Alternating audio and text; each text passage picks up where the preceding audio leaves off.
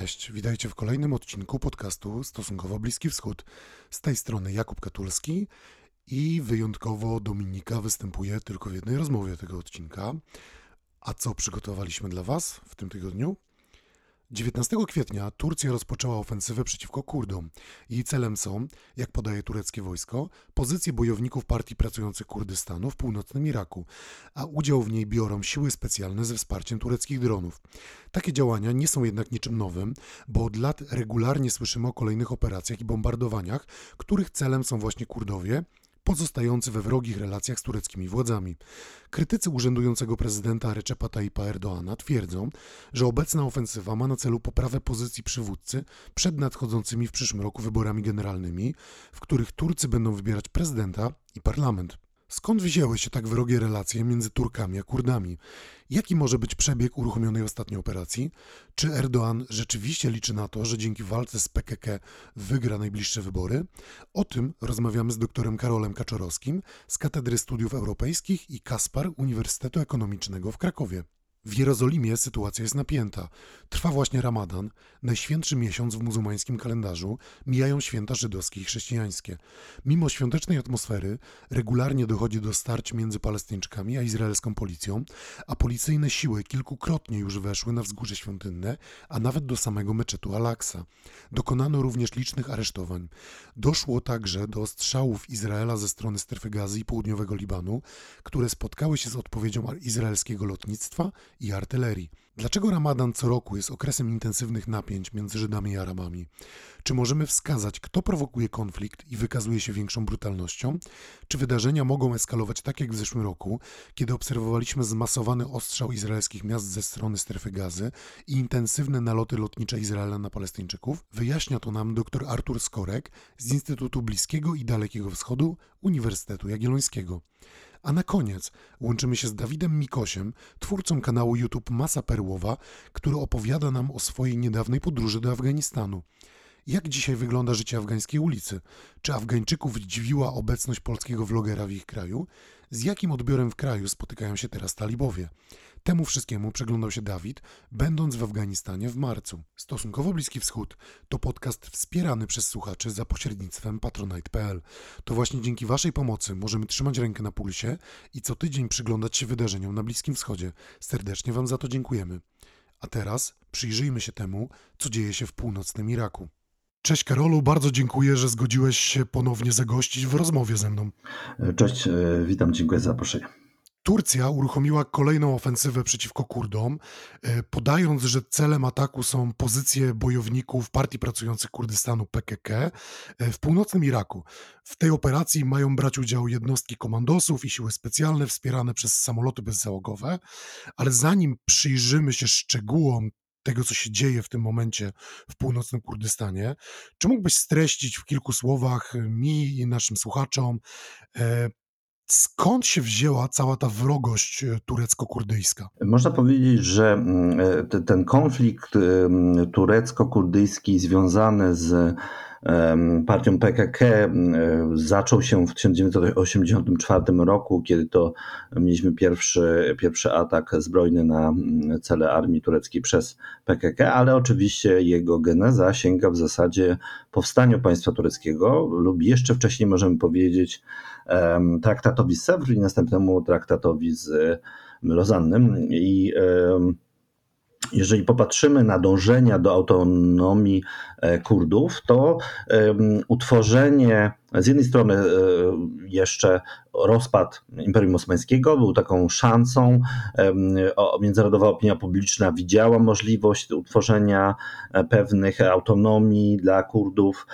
Później też Kurdowie sami zaznaczają, że brali udział po stronie nawet tureckiej w wojnie, którą nazywają Turcy wojną o niepodległość, która zakończyła się właśnie traktatem E, z Lozanny, gdzie w zasadzie powstaje już e, no, nacjonalistyczne państwo tureckie i mm, miejsca dla etniczności języka kurdyjskiego w zasadzie nie ma. Przez lata Kurdowie są uznawani za takich Turków z gór, nawet były takie teorie wysuwane przez tureckich nacjonalistów, że w zasadzie język kurdyjski to jest taki zdegradowany turecki, ponieważ oni chodzili po górach, tam był lód i słyszeli po prostu taki kurt i dlatego to jest kurdyjski. O, oczywiście jest to, mm, jest to efekt jakby takiej propagandy nacjonalistycznej i, i podejścia mm, i wszelkie oczywiście wcześniejsze rebelie już przy powstawaniu um, powstawaniu Republiki Tureckiej kończyły się atakiem zbrojnym i często no, masakrami, na przykład w Dersimie E, w latach 30. E, przez armię turecką.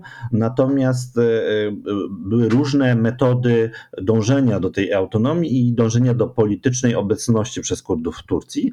Mm, zwłaszcza w latach 60., 70. one się wiązały z sojuszem w ogóle z, tu, z, z turecką lewicą, która, gdzie, gdzie widziano Kurdów po prostu jako jeden z wielu grup, które, jako jedną z wielu grup, które są wyzyskiwane przez państwo e, i, i jakby tłamszone. Natomiast e, w latach, e, pod koniec lat 70. doszło do pewnego rozłamu, kiedy to mm, duża część kurdyjskich polityków też już wykształconych na tureckich uniwersytetach. Sam zresztą założyciel Abdullah Öcalan PKK był politologiem, który studiował w Ankarze stwierdzili, że jednak turecka lewica nie docenia e, właśnie kwestii e, języka kurdyjskiego, kwestii odrębności etnicznej Kurdów. I mamy powstanie nowych organizacji, i jedną z organizacji, która jakby chciała otwarcie wrócić publicznie do kwestii kurdyjskiej, ale także do kwestii suwerenności rozumianej jako suwerenność polityczna i militarna i właśnie powstała w 1978 roku, no ale pierwszy e, taki już zbrojny atak miała w 1984. Później mamy intensywną e, e, walkę armii mm, tureckiej, którą w zasadzie można określić nie tyle walkę, co wtargnięcia w rejony kurdyjskie, masakry, e, przesiedlenia, cała polityka przesiedleń w latach 90., niszczenie, e, palenie wiosek, ustanowienie straży wioskowej, ustanowienie takich posterunków wojskowych, które de facto są takimi posterunkami granicznymi, chociaż są wewnątrz Turcji w, w północnym Kurdystanie, czyli w południowo-wschodniej części Turcji. Te intensywne E, operacje wojskowe e, zakończyły się około 2002 roku. No może nie tyle zakończyły, co miały swoje mm, stonowanie w związku z pewnymi reformami także wewnątrz Turcji, którym zresztą e, przewodniczył obecny, obecny, obecnie rządząca partia, która zresztą rządzi od 2002 roku i kiedy to zniesiono stany wyjątkowe właśnie na południowym wschodzie e, Turcji.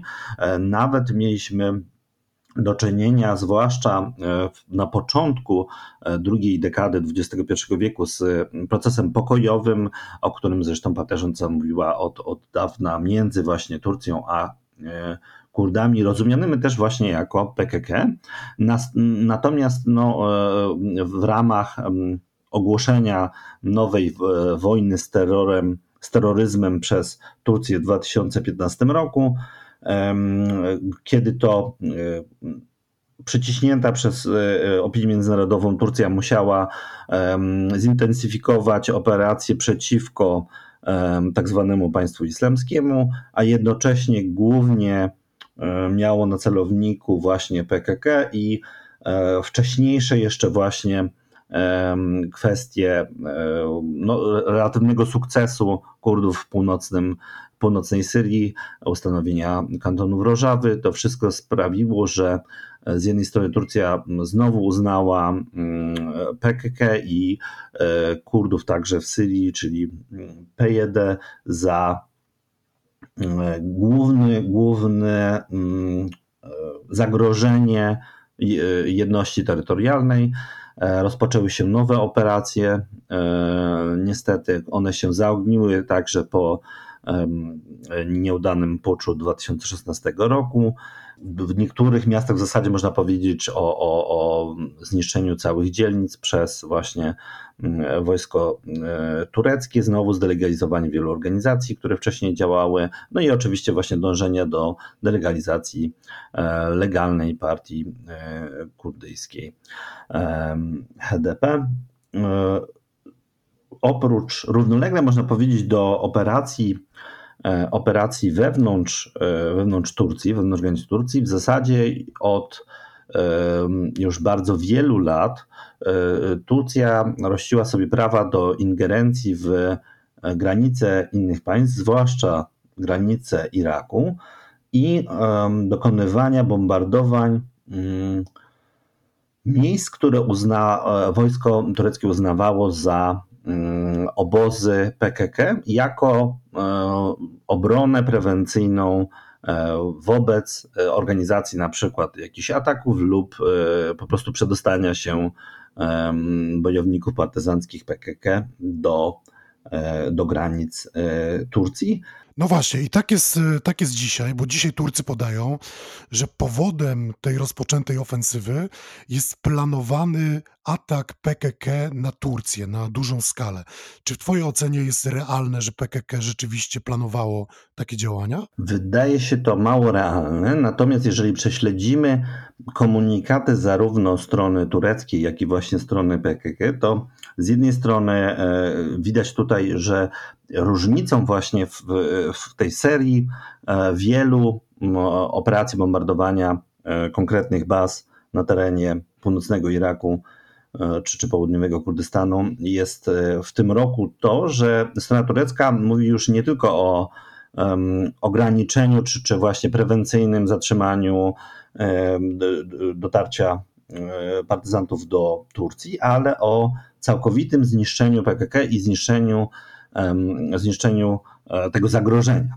I Tutaj właśnie nawet e, e, w tym tygodniu prezydent Erdogan mówił, że w zasadzie miejsce takie jak Góra Kandil, czyli właśnie miejsce, które jest uważane za centrum e, dowodzenia PKK, dowodzenia przynajmniej tego militarnego, bo oczywiście dzisiaj PKK to jest szeroki ruch, który ma swoje elementy polityczne, kulturowe, aktywistyczne, ale ma też ten jakby bardziej mm, partyzancko-militarny charakter, no i ten mm, podaje się, że ma właśnie mm, swoją siedzibę na Górze Kandil, która jest w zasadzie na granicy iracko-irańskiej, e, można powiedzieć na e, takim wschodnio-południowej granicy e, też południowego Kurdystanu i, i mm, Iranu.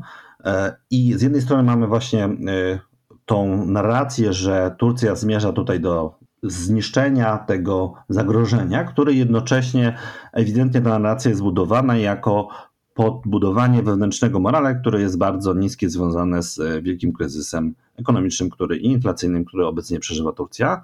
Z drugiej strony, rzeczywiście strona PKK mówiła, że jeżeli, znaczy część, część jakby mm, e, reprezentantów mówiła o tym, że jeżeli walki będą się nasilać, to PKK również może przynieść wojnę e, do miast tureckich. I stąd właśnie są pewne, pewne pewien strach ze strony Mm, i polityków tureckich, i mieszkańców Turcji, że mogą być organizowane pewne ataki wewnątrz miast tureckich, które mieliśmy poniekąd do czynienia w 2016 roku. Natomiast e, e, organizacje, które wtedy w 2016 roku zorganizowały te ataki, oficjalnie nie należały do PKK i PKK nie popierało tych, ani się nie przyznawało do tych ataków. I również teraz strona turecka oskarża mm, PKK o zorganizowanie ataku na na autobus y, wiozący e, oficerów więziennych w Bursie, w mieście raczej na, można powiedzieć, na zachodzie Turcji, w którym rzeczywiście zginął jeden z oficerów właśnie więziennych, ale też również e, żadne, żadna organizacja związana z PKK nie przyznała się do zorganizowania e, tego, tego ataku.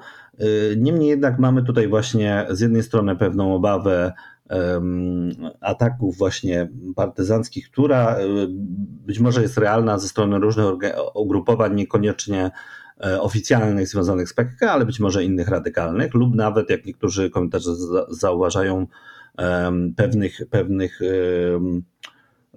pobocznych organizacji związanych z tak zwanym państwem islamskim. Z drugiej mamy oficjalną narrację, która wydaje się być jak w ogóle mm, ta właśnie większa, e, większa intensyfikacja corocznych, jakby się wydawało, bombardowań wydaje się powiązana właśnie z e, celem politycznym e, uspokojenia nastrojów i jednocześnie pokazania pewnej efektywności i sukcesów patriotycznych, których trudno jest, na przykład trudno jest opozycji tureckiej oficjalnie na przykład krytykować armię turecką, więc jest to bardzo przemyślana strategia, wydaje się, i narracyjna, i polityczna.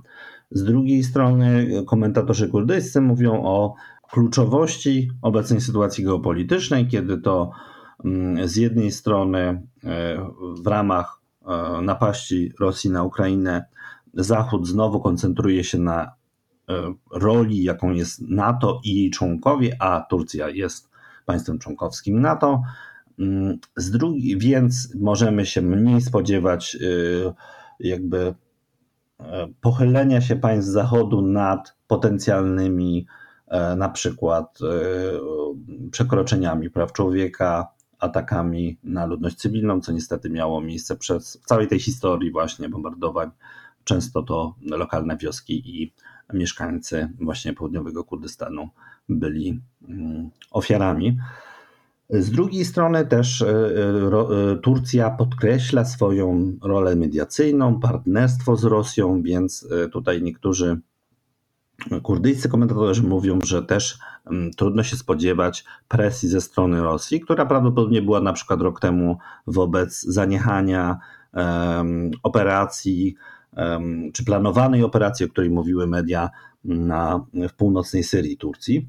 E, ze względu na to, że jednak ta rola mediacyjna może być też e, czy potrzebna, czy może mm, tu Rosja też, bo trudno powiedzieć, że Turcja jest bardzo potrzebna Rosji, ale na pewno Rosja z jednej strony jest bardziej skoncentrowana na e, wojnie, którą prowadzi w Ukrainie, a mniej na potencjalnych, potencjalnych negocjacjach z Turcją, która jednocześnie podkreśla, jak popatrzymy na media na przykład tureckie, czy te tureckojęzyczne, czy na przykład oficjalne, które są pewnym e, elementem polityki międzynarodowej angielskojęzyczne tureckie, to tam jest często bardzo podkreślana rola Turcji jako mediatora między Ukrainą i Rosją i chęć e, podtrzymania dobrych relacji z obiema stronami, jak to uznaje Turcja, konfliktu.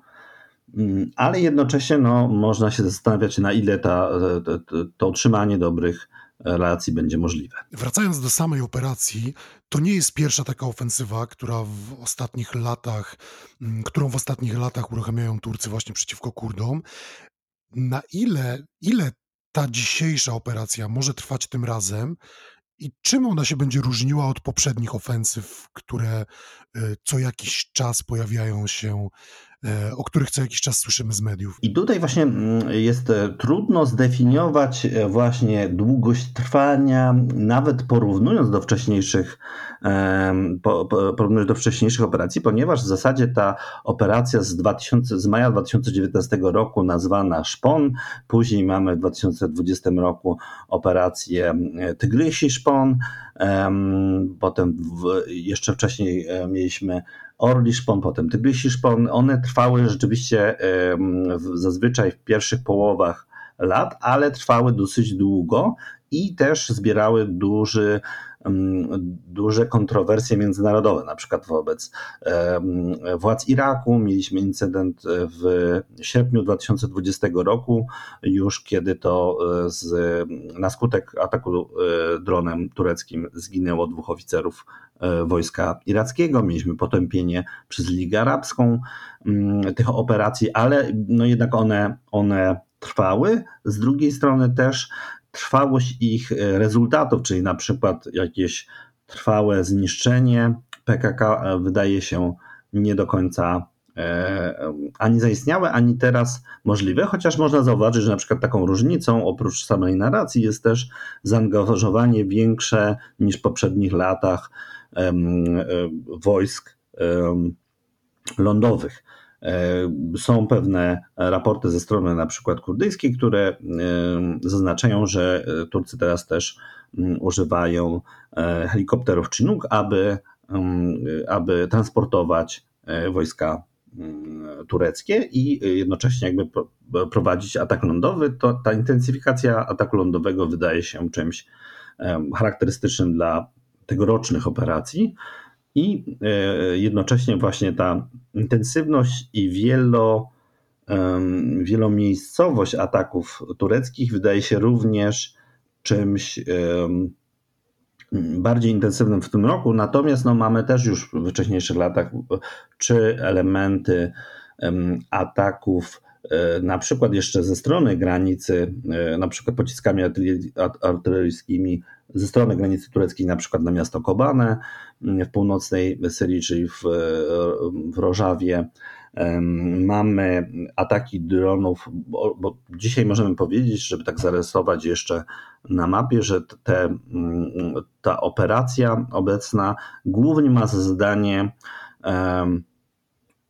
zniszczyć, zdaniem tureckiej strony, obozy PKK w rejonach Metina, Zab i Awashin Basian i tam, e, które są w prowincji Duhok i które są, e, można powiedzieć, jeżeli zobaczymy, zobaczymy granicę e, turecko-iracką, to raczej są jakby w centralno wschodniej części tej granicy, natomiast na przykład na bardziej E, zachód mamy rejon Szengal, gdzie e, oczywiście mamy mm, jezydów, którzy również są e, atakowani ze strony dronów tureckich. I w zasadzie też to miało już miejsce w wcześniejszych latach. I tutaj mm, czy, czy właśnie jezydzi z Szengalu, czy strona kurdyjska zaznaczała, że takie operacje y, też uniemożliwiają na przykład powrót E, jezydom, którzy musieli mm, uciekać z tamtych terenów ze względu na tak zwane państwo islamskie, ponieważ e, Turcja prowadzi również tam ataki, które i zdaniem Turcji mają na celu likwidację PKK. Często się mówi, e, często niektórzy krytycy mm, działań tureckich względem Kurdów mówią, że te operacje kolejne przeciwko PKK y, czy innym kurdyjskim ugrupowaniom tak naprawdę są na rękę państwu islamskiemu i tak naprawdę utrudniają y, wszelkiego rodzaju działania mające na celu zdławienie państwa islamskiego. Czy ty byś się z tym zgodził? Strona kurdyjska idzie nawet dalej i mm, zaznacza, że mm, y, Turcja zachodzi w sojusze i wykorzystuje różne E, milicje islamskie e, powiązane albo wcześniej, albo nadal z tak zwanym państwem islamskim, na przykład w rejonie Hasaki w e, Rożawie. Tym samym nawet podając o walkach, mówi, że walczy jakby jednocześnie z Turcją i państwem islamskim, co o ile można dyskutować na temat dokładnych powiązań tych milicji czy tych ugrupowań z państwem islamskim, no to na pewno są to są to ugrupowania islamistyczne i na pewno one wykorzystywane są do realizacji celów Turcji, więc pewna, pewne tutaj jakby polityczna e, koalicja, na przykład e, w odniesieniu do mm, e, północnej Syrii, niestety zachodzi. Tak. Dzisiejsza operacja mm, jest dość szeroko zakrojona i co, co zauważyłeś, ale ona się odbywa za porozumieniem z premierem rządu regionalnego Kurdystanu, Masurem Barzanim. Ale z kolei spotyka się ona ze sprzeciwem władz Iraku, które wezwały nawet tureckiego ambasadora do wyjaśnienia sprawy. Skąd jest ten rozdźwięk między irackimi Kurdami a irackim rządem? Tutaj oczywiście można dyskutować. Myślę, że strona południowego Kurdystanu nie zgodziłaby się z, z takim stwierdzeniem, że z, za zgodą jakby Masura Barzaniego, natomiast został on poinformowany, to możemy stwierdzić na pewno i możemy też stwierdzić, że sytuacja właśnie ekonomiczno-geopolityczna południowego Kurdystanu jest o tyle trudna, że jest w dużej mierze zależna od Turcji. I również kiedy Turcja zaczynała tą operację obecną, mieliśmy tweet od rzecznika prezydenta, który mówił, że mm, czas na czas na mm, zaufanie u przyjaciół i atak dla wrogów. I tutaj niektórzy właśnie do, do interpretowali, że owymi przyjaciółmi jest południowy Kurdystan, a wrogami jest mm, PKK. Natomiast e, no na pewno istnieje pewna zależność ekonomiczna i także częściowo polityczna od południowego Kurdystanu od Turcji, stąd pewna trudność w realizacji całkowicie odmiennej polityki. Z drugiej strony, czyli są pewne jakby też korzyści polityczne na e, gdyby na przykład e, rząd południowego Kurdystanu zgodził się na oficjalnie albo jakby współpracował. Z drugiej wydaje się, że czy oficjalna zgoda, czy e, takie pełne poparcie nie jest łatwo odbierane, nie jest dobrze odbierane przez E, przez Kurdów, nawet tych, którzy nie sympatyzują z PKK w południowym Kurdystanie. Jest oczywiście duża część także osób, które mają inne sympatie polityczne i też na przykład widzą w PKK pewne zagrożenie na zasadzie, że ich obecność jest też zagrożeniem właśnie na przykład atakami tureckimi. Jednocześnie jak popatrzymy nawet na e, media, które są bardzo przychylne mm, partii rządzącej, południowego Kurdystanu, to tam też mamy dużo raportów o tym, że te ataki właśnie niszczą wioski, są zagrożeniem i raczej e, trudno jest przyznać oficjalnie i trudno jest e, nawet wśród jakby swoich, swojego elektoratu e, znaleźć takie poparcie dla, dla otwarcie dla właśnie naruszeń granic i, i misji. Natomiast e, oczywiście ta reakcja jest dużo mniej e, negatywna niż właśnie państwa irackiego ze względu na, e, na zależność i, i współzależność i współpracę, współpracę południowego Kurdystanu z Turcją. I tutaj też niektórzy komentatorzy zaznaczają na przykład możliwość przyszłej, e, przyszłego eksportu ropy z terenów południowego Kurdystanu do ropy do Europy. Było też spotkanie Masura Barzaniego z premierem e, Borisem Johnsonem. I tutaj też Turcja chciałaby mm, odegrać pewną rolę właśnie pośredniczącą, więc są, są jakby różne interesy czy, czy zależności geopolityczne, które sprawiają, że ten, ten sojusz e, właśnie partii rządzącej w południowym Kurdystanie, a, a rządem e, Turcji jest e, czasami mocniejszy, czasami bardziej schowany, ale czasami jest też koniecznością. Na, można powiedzieć, że jeszcze mm, na przykład właśnie za czasów istnienia mm, tego procesu pokojowego w Turcji było wiele pozytywnych efektów pewnej, pewnej komunikacji, na przykład po raz pierwszy pojawienie się słowa Kurdystan w otwarcie z, z ust polityków tureckich, niezwiązane oczywiście z partią e, kurdyjską, jako desygnat oczywiście północnego Iraku, ale już samo to wymówienie jakby Kurdystan w odniesieniu do południowego Kurdystanu było ważne, były organizowane różne spotkania. Mm, wobec e, oczywiście załamania się tego procesu nowej e, walki z terroryzmem, która była głównie nacelowana na Kurdów, e, to oczywiście się zmieniło i też jest duża krytyka odnośnie obecnie partii rządzącej w południowym Kurdystanie. Z drugiej no jest, jest to, ta krytyka też jest związana właśnie z, tym, z tą zależnością ekonomiczną i polityczną która czasami e, sprawia, że ten sojusz jest koniecznością. Krytycy prezydenta Erdoana mówią też, że to dzisiejsza ofensywa ma na celu, między innymi oczywiście, zdelegitymizować prokurdyjską opozycyjną Ludową Partię Demokratyczną, HDP, której członkowie w Turcji są oskarżani o związki z PKK. Mm, toczy się nawet przeciwko nim proces w tureckich sądach. O co w tej sprawie chodzi i jaki może być jej wynik? E, tak, tutaj oczywiście mm, chodzi z jednej strony o zniszczenie jakiegokolwiek potencjalnego poparcia dla lewicy kurdyjskiej, w tym PKK, e, aby utrzymać właśnie ten, tą narrację nacjonalizmu tureckiego o najważniejszym jakby priorytecie, jakim jest jedność granic. I jeżeli popatrzymy na zmiany i polityczne, i właśnie odkąd e, zaczęło się mówić oficjalnie i działać w kierunku delegalizacji HDP, no to oczywiście jest to związane z, ze zmianą właśnie polityki, która jednocześnie w tym 2015 roku nie tylko miała, tak jak już powiedziałem, związek z naciskiem międzynarodowym, ale także sytuacją wewnętrzną, kiedy e, AKP, czyli partia rządząca Partia Sprawiedliwości i Rozwoju, musiała sięgnąć po głosy i jednocześnie koalicję z Narodową Partią MHP, która właśnie mm, jednym z głównych postulatów i wartości jest właśnie walka o jedność granic, rozumiana jako e, walka z kurdyjską lewicą i podkreślanie prymu e, tureckiej etniczności. Tym samym delegalizacja partii, która zyskała oficjalne, oficjalne miejsce w parlamencie, która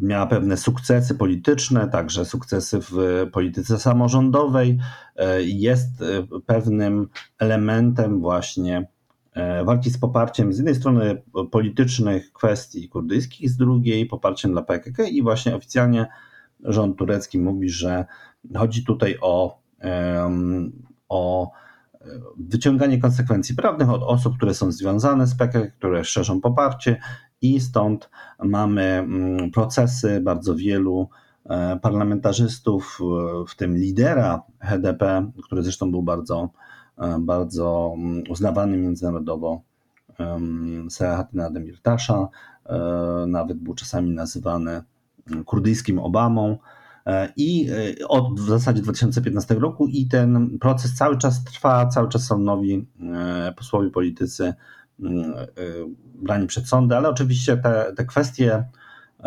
delegalizacji czy skazywania dotyczą nie tylko polityków, ale też studentów, którzy uczestniczą w różnych manifestacjach i to w zasadzie miało miejsce też na dużą skalę przed tym e, procesem pokojowym z Kurdami, więc jest to pewna kontynuacja polityki, jak również właśnie delegalizację partii. Stąd mm, te, te partie musiały często zmieniać swoje mm, nazwy, swoją organizację. Sama HDP kiedyś się nazywała BDP, czyli, a jeszcze wcześniej HDP, e, czyli wcześniej to było partia pokoju i demokracji. Dzisiaj jest to partia ludowo-demokratyczna, czy ludu i demokracji.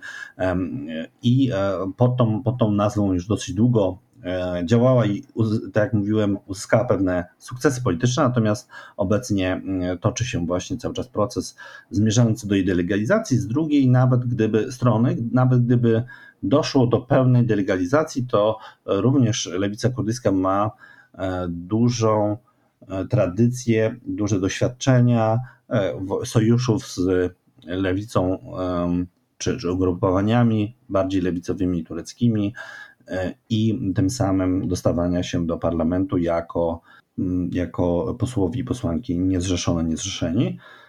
Mm, co z jednej strony jest trudniejsze i też no jest jakby w sferze symbolicznej mniej znaczące, ale jakby pozwala nadal wpływać na E, prawodawstwo, czy parlament turecki. Może prawodawstwo to jest za dużo powiedziane, bo oczywiście jest bardzo dużo przeszkód wobec tych posłów i posłanek, ale jednak jest to pewnym, pewnym znaczeniem, że e, nie tylko e, kurdyjscy, ale także na przykład jezy, jezydzi są też posłami, inne mniejszości, także Ormianie są w ramach HDP, ale wydaje się, że, że ten, to hasło legalizacji jest połączone z całą tą narracją właśnie walki z zagrożeniem z zewnątrz, jakim są Kurdowie, zwłaszcza PKK, ale nawet pełna delegalizacja wydaje się e, nie zagrażać e, dalej formułowaniu postulatów, na przykład praw e, dla mniejszości etnicznej, czy pewnych,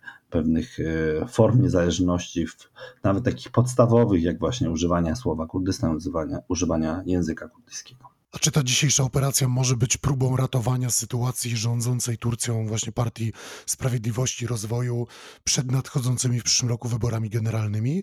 E, bo Turcy w przyszłym roku pójdą do urn wybrać zarówno parlament, jak i prezydenta. E, w poprzednich wyborach AKP e, zdobyła 42,5% głosów, a Recep Tayyip Erdoğan ponad 52%. Według różnych sondaży z tego miesiąca AKP może uzyskać od niemal 30 do 36%, co oznacza pewną no, zasadniczą stratę. Mm, a z kolei wygrana Erdoana w wyborach prezydenckich nie jest już tak oczywista, bo choć sondaże dają mu znaczącą przewagę nad wszystkimi kandydatami e, w pierwszej turze, to już w drugiej mógłby mieć problem z pokonaniem większości konkurentów.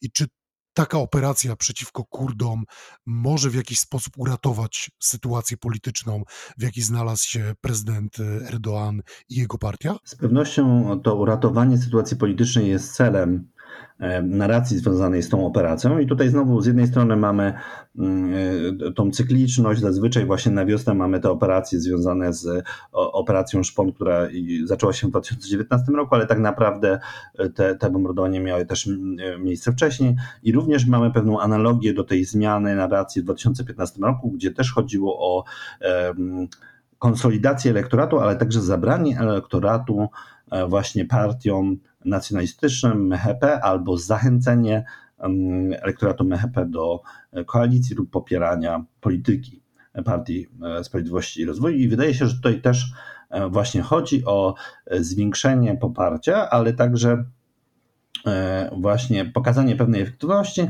aby być może nie tyle właśnie zabrać poprzez delegalizację, chociaż to też jest możliwe, pewne głosy które normalnie zdobyłaby na przykład HDP, ale bardziej także właśnie konsolidację nacjonalistycznego elektoratu i pokazanie, że e, obecna partia jest w stanie realizować właśnie postulaty i wartości e, związane z tym elektoratem, więc warto na nią głosować. Co więcej, ona jest jako jedyna gwarantem ich realizacji i efektywności. W tym właśnie stąd mamy e, tą intensywność narracji, na przykład właśnie mówienie, że mm, PKK przestanie istnieć, jako, jako element takiej, takiej mobilizacji e, potencjalnych głosów.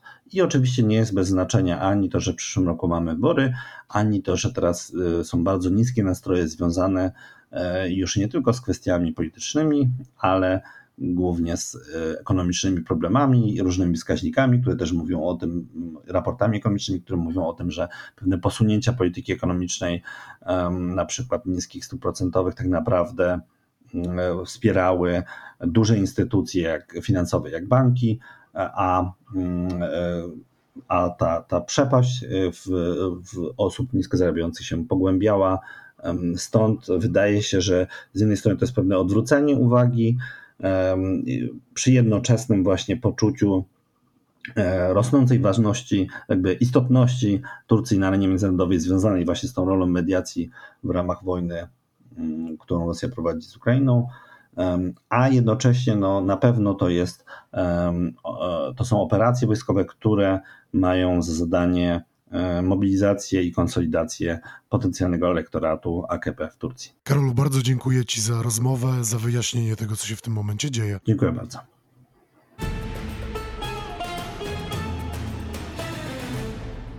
O tym, co dzieje się w północnym Iraku, południowym Kurdystanie i o działaniach Turcji opowiadał mi dr Karol Kaczorowski, z Katedry Studiów Europejskich i Kaspar Uniwersytetu Ekonomicznego w Krakowie. A moim następnym rozmówcą, z którym będę rozmawiał o wydarzeniach w Jerozolimie, jest dr Artur Skorek z Instytutu Bliskiego i Dalekiego Wschodu Uniwersytetu Jagiellońskiego. Dzień dobry, panie doktorze. Dziękuję, że przyjął pan zaproszenie do naszego podcastu. Dzień dobry, witam serdecznie e, i pana, i słuchaczy. W Jerozolimie sytuacja jest od kilku tygodni trudna, można powiedzieć, e, delikatnie rzecz ujmując.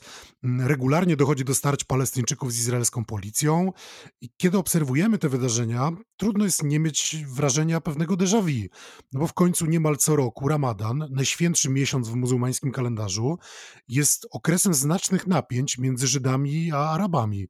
Dlaczego tak jest? Tak, zgadza się.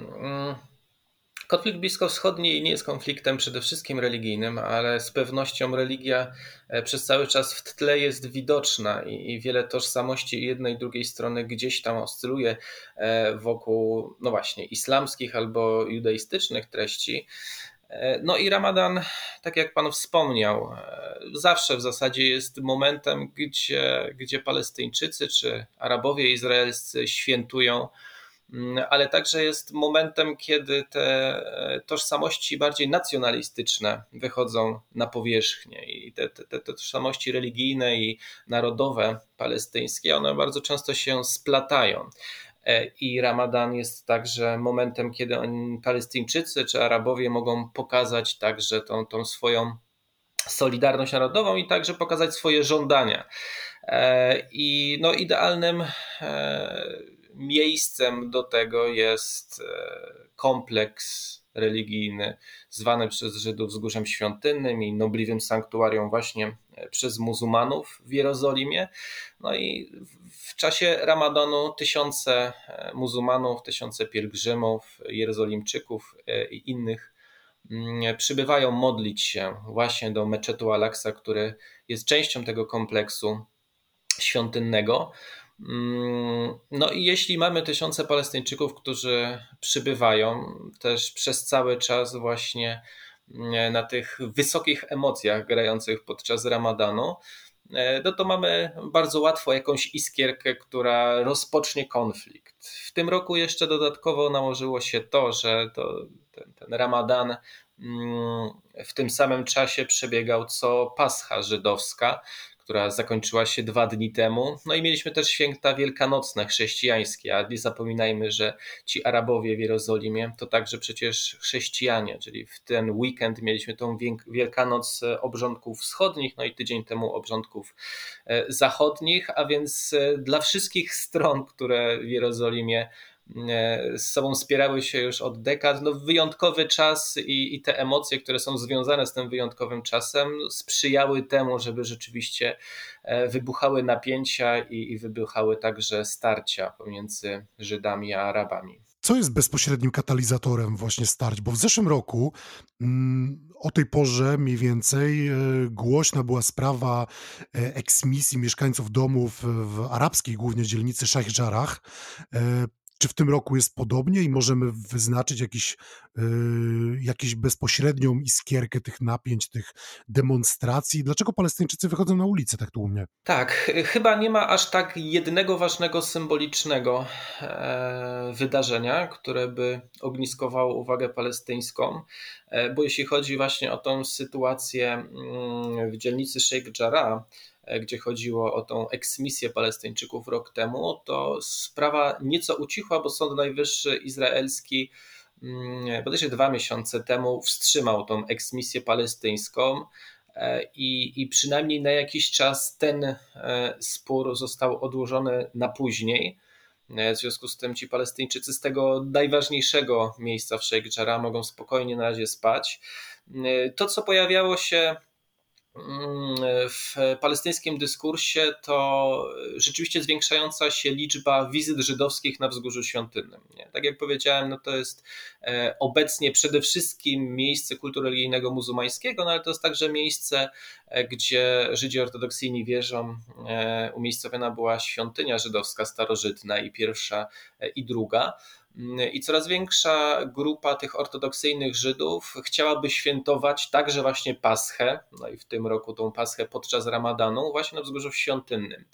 E, no i tak jak kiedyś to były pojedyncze przypadki, i w ogóle większość ortodoksyjnych Żydów twierdziła, że ze względów religijnych nie ma wstępu e, do, do tego świętego miejsca od czasów zburzenia świątyni, tak teraz w tym roku ponad 5 tysięcy Żydów rzeczywiście podczas Paschy odwiedziło wzgórze świątynne, e, więc e, Arabowie mm, jerozolimscy twierdzili, że no jest to próba stopniowego przejmowania pełnej kontroli nad wzgórzem świątynnym, no i ostatecznie oczywiście stworzenia tam synagogi żydowskiej. To prawdopodobnie jest e, tylko obawa i, i mrzonka, natomiast faktem jest to, że rzeczywiście ta e, wzmożona obecność żydowska na wzgórzu świątynnym jest. Dalej Żydzi nie mogą modlić się na wzgórzu świątynnym, natomiast częściej rzeczywiście odwiedzają to miejsce. Gdzieś tam w tle pojawiły się e, inne burzące krew E, no, szczególnie muzułmańską czy szczególnie arabską, mm, zapowiedzi, że część z tych fundamentalistów żydowskich będzie chciała odtworzyć starożytny kult świątynny właśnie w tym miejscu i, i, będzie składać ofiary z koziołka. Więc nawet jedna osoba została zaaresztowana z tych radykałów żydowskich, bo rzeczywiście tego koziołka znaleziono w, w jej domu i prawdopodobnie przygotowywała się do tego. Ktoś nawet wyznaczył nagrodę, jeśli uda się jednemu z Żydów przeprowadzić właśnie ten rytuał. E, to miał dostać 10 tysięcy szekli bodajże. No, natomiast to jest jakaś tam e, gromadka fanatyków i, i szybko została spacyfikowana przez służby e, izraelskie, więc do, do tego nie doszło, a to rzeczywiście prawdopodobnie skończyłoby się jeszcze poważniejszymi starciami. No właśnie, starcia mamy i głośna była sprawa e, wejścia policji izraelskiej na wzgórze świątynne i nawet do samego wnętrza meczetu Al-Aqsa 15 kwietnia w piątek. Efektem były liczne aresztowania, e, a także ranni. Do internetu wypłynęły nagrania pokazujące brutalność policjantów wobec cywili. Czy my możemy jakoś podsumować to wydarzenie w chrześcijański Wielki Piątek? No tak, e, no tak naprawdę te mniejsze walki trwały też wcześniej i, i to jest e, no, niepokojąca i smutna sytuacja, ale też sytuacja, która od czasu do czasu wydarza się w tym miejscu i tak naprawdę to jest pewna gra o równowagę sił i Izrael przez cały czas no, ma tą perspektywę, że mm, e, wzgórze świątynne, e, meczet Al-Aqsa i będzie też wykorzystywany prawdopodobnie kiedyś w przyszłości do, do działań niereligijnych, ale także właśnie do walk z policją. No i to jest kwestia tego, e, w którym momencie ta policja mm, zacznie interweniować. E, bo, bo Palestyńczycy no, zbierają mm, materiały, które potem będą wykorzystywane w tych walkach na wzgórzu świątynnym. To są oczywiście e, kamienie czy mm, ognie e, sztuczne. Mm, kilka lat temu mieliśmy przypadek broni palnej, która rzeczywiście została też tam przemycona. No i wtedy, jeśli dochodzi do tych walk, no to znowuż świątynia Alaksa jest wykorzystywana do tego, żeby chronić tych protestujących. E, więc z pewnością te walki, które e, widzieliśmy także na filmikach na YouTubie, e, pokazują tą brutalność, no, zresztą obustronną brutalność. No, można powiedzieć, że tak dosyć ponuro i chłodno patrząc na to, widzimy, że walki na Bliskim Wschodzie, walki pomiędzy Izraelczykami i Palestyńczykami mogą być o wiele bardziej brutalne. I obecnie nie mamy żadnej śmiertelnej ofiary e, tych starć. Mamy rannych, ta, ta liczba rannych jest liczna, natomiast nie doszło do tej największej tragedii, co wskazywałoby na to jednak, że ta policja izraelska stara się nie interweniować aż tak brutalnie, jakby mogła. Natomiast no, wiadomo, że każde wejście e, Izraelczyka, Żyda izraelskiego, szczególnie ze służb bezpieczeństwa, do najświętszego miejsca e, muzułmanów palestyńskich, E, i trzeciego najświętszego miejsca dla muzułmanów w ogóle, no, będzie budziła bardzo wysokie emocje po stronie palestyńskiej. Natomiast wydaje się, że na razie ten, ten konflikt jest niejako pod kontrolą e, i nie przerodził się w to, z czym mieliśmy do czynienia choćby rok temu. No tak, w zeszłym roku Również policja weszła na wzgórze świątynne i było to bezpośrednim katalizatorem tak naprawdę do rozpoczęcia ostrzału Izraela przez Hamas. Hamas dał ultimatum, że e, jeżeli policja nie opuści wzgórza świątynnego, to rozpocznie ostrzał. Policja nie opuściła wzgórza świątynnego i e, ten ostrzał się rozpoczął.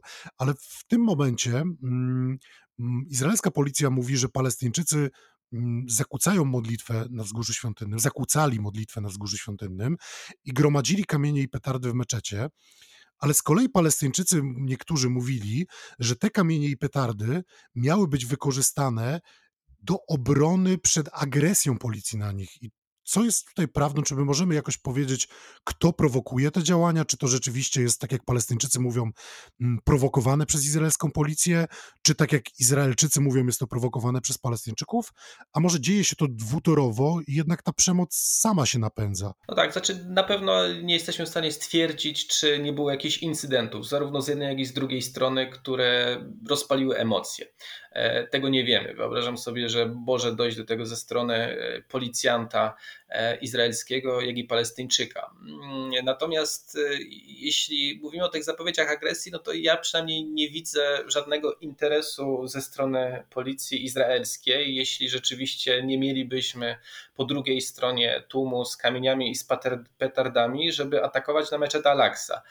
E, no bo to jest tylko proszenie się o kłopoty, no i Izraelowi zupełnie nie zależy na tym, żeby przejmować e, meczet Al-Aqsa, a tym bardziej policji izraelskiej, e, która ostatecznie będzie ofiarą tych walk, więc nie sądzę. Natomiast no to jest kwestia próby pokazania, do kogo należy wzgórze świątynne tak naprawdę, czyli no, Palestyńczycy chcą powiedzieć, że, że żaden Izraelczyk nie może mieć wstępu tam, e, a szczególnie nie może mieć tam wstępu policja izraelska. No a policja izraelska chce pokazać, że kontroluje w pełni sytuację i nie będzie dopuszczać do tego, żeby żadne działania agresywne e, miały tam miejsce. No i można powiedzieć, że oczywiście, jeśli są zamieszki, no to to zaburza ten kult e, stricte religijny na wzgórzu świątynnym. Natomiast z punktu widzenia Arabów izraelskich, prawdopodobnie bardzo wielu z nich sympatyzuje z tymi protestującymi, ale też należy e, zauważyć, że bardzo wielu z nich e, sprzeciwia się e, agresji. Ostatnio mieliśmy przypadek w jednym z największych miast muzułmańskich w Izraelu, burmistrza Umal Fam na granicy zresztą z terytoriami palestyńskiego leżącego miasta, e, który przepędzał tych protestujących u niego w mieście. To byli zamaskowani Arabowie, którzy chcieli pokazać e, swoją solidarność właśnie z tymi, którzy protestują w Jerozolimie. E, w nobliwym sanktuarium przed meczetem Al-Aqsa. No i on właśnie wyszedł i na własną rękę ich przepędzał, twierdząc, że przemoc to nie jest najlepsza droga i że nie powinni blokować ruchu. E, więc widać to, że ta społeczność arabska w Izraelu jest e, głęboko podzielona, jeśli chodzi o te kwestie. Czy izraelska policja rzeczywiście stosuje przesadną siłę wobec demonstrujących palestyńskich cywili? Bo to oskarżenie pojawia się praktycznie za każdym razem, kiedy dochodzi do demonstracji czy to w Jerozolimie, czy w innych miastach w Izraelu, e, no nawet na zachodnim brzegu, tylko tam oskarża się o to żołnierzy e, izraelskiej armii.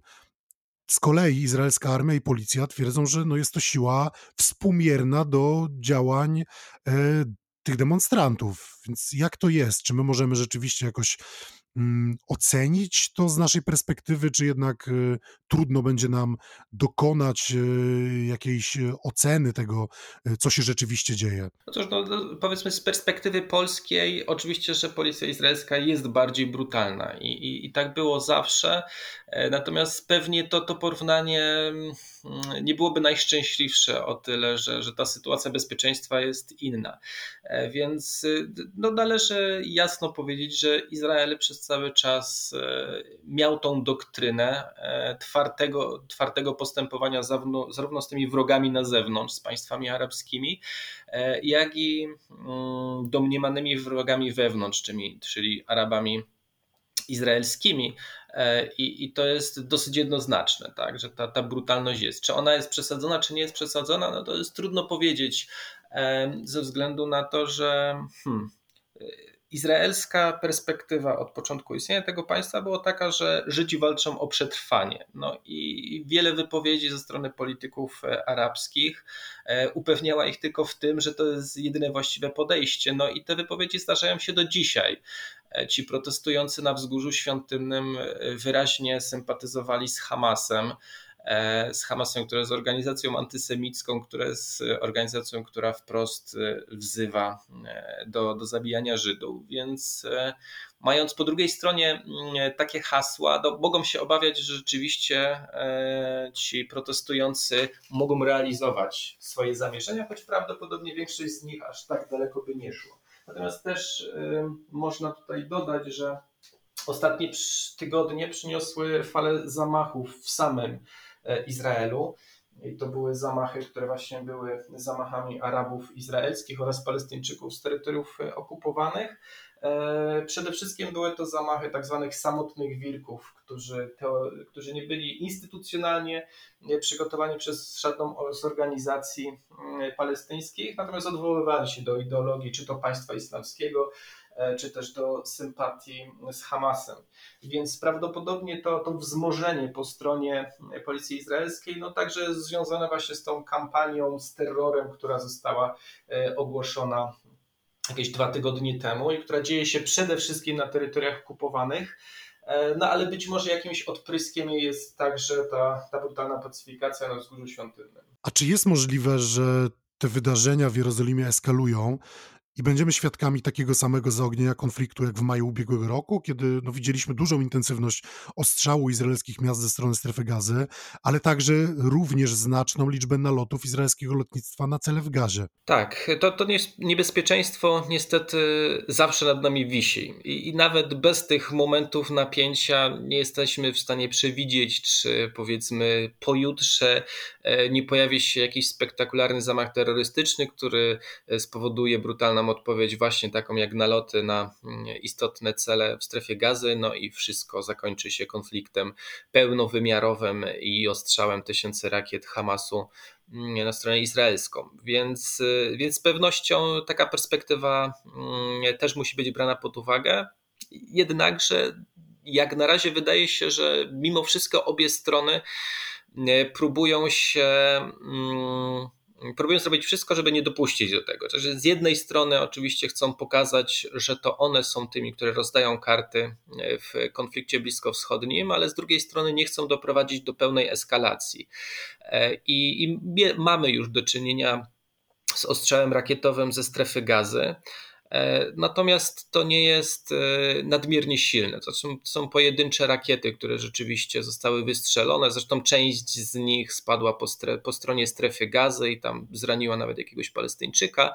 E, więc widać, że, że Hamas próbuje pokazać, że coś robi, ale na pewno nie jest to coś, co jest szczególnie niepokojące. No i ta odpowiedź izraelska też na razie nie, była zbyt energiczna. Czyli to był taki mm, ostrzał e, strefy gazy mm, znowuż na małą skalę, skalę i nie tych e, strategicznych punktów.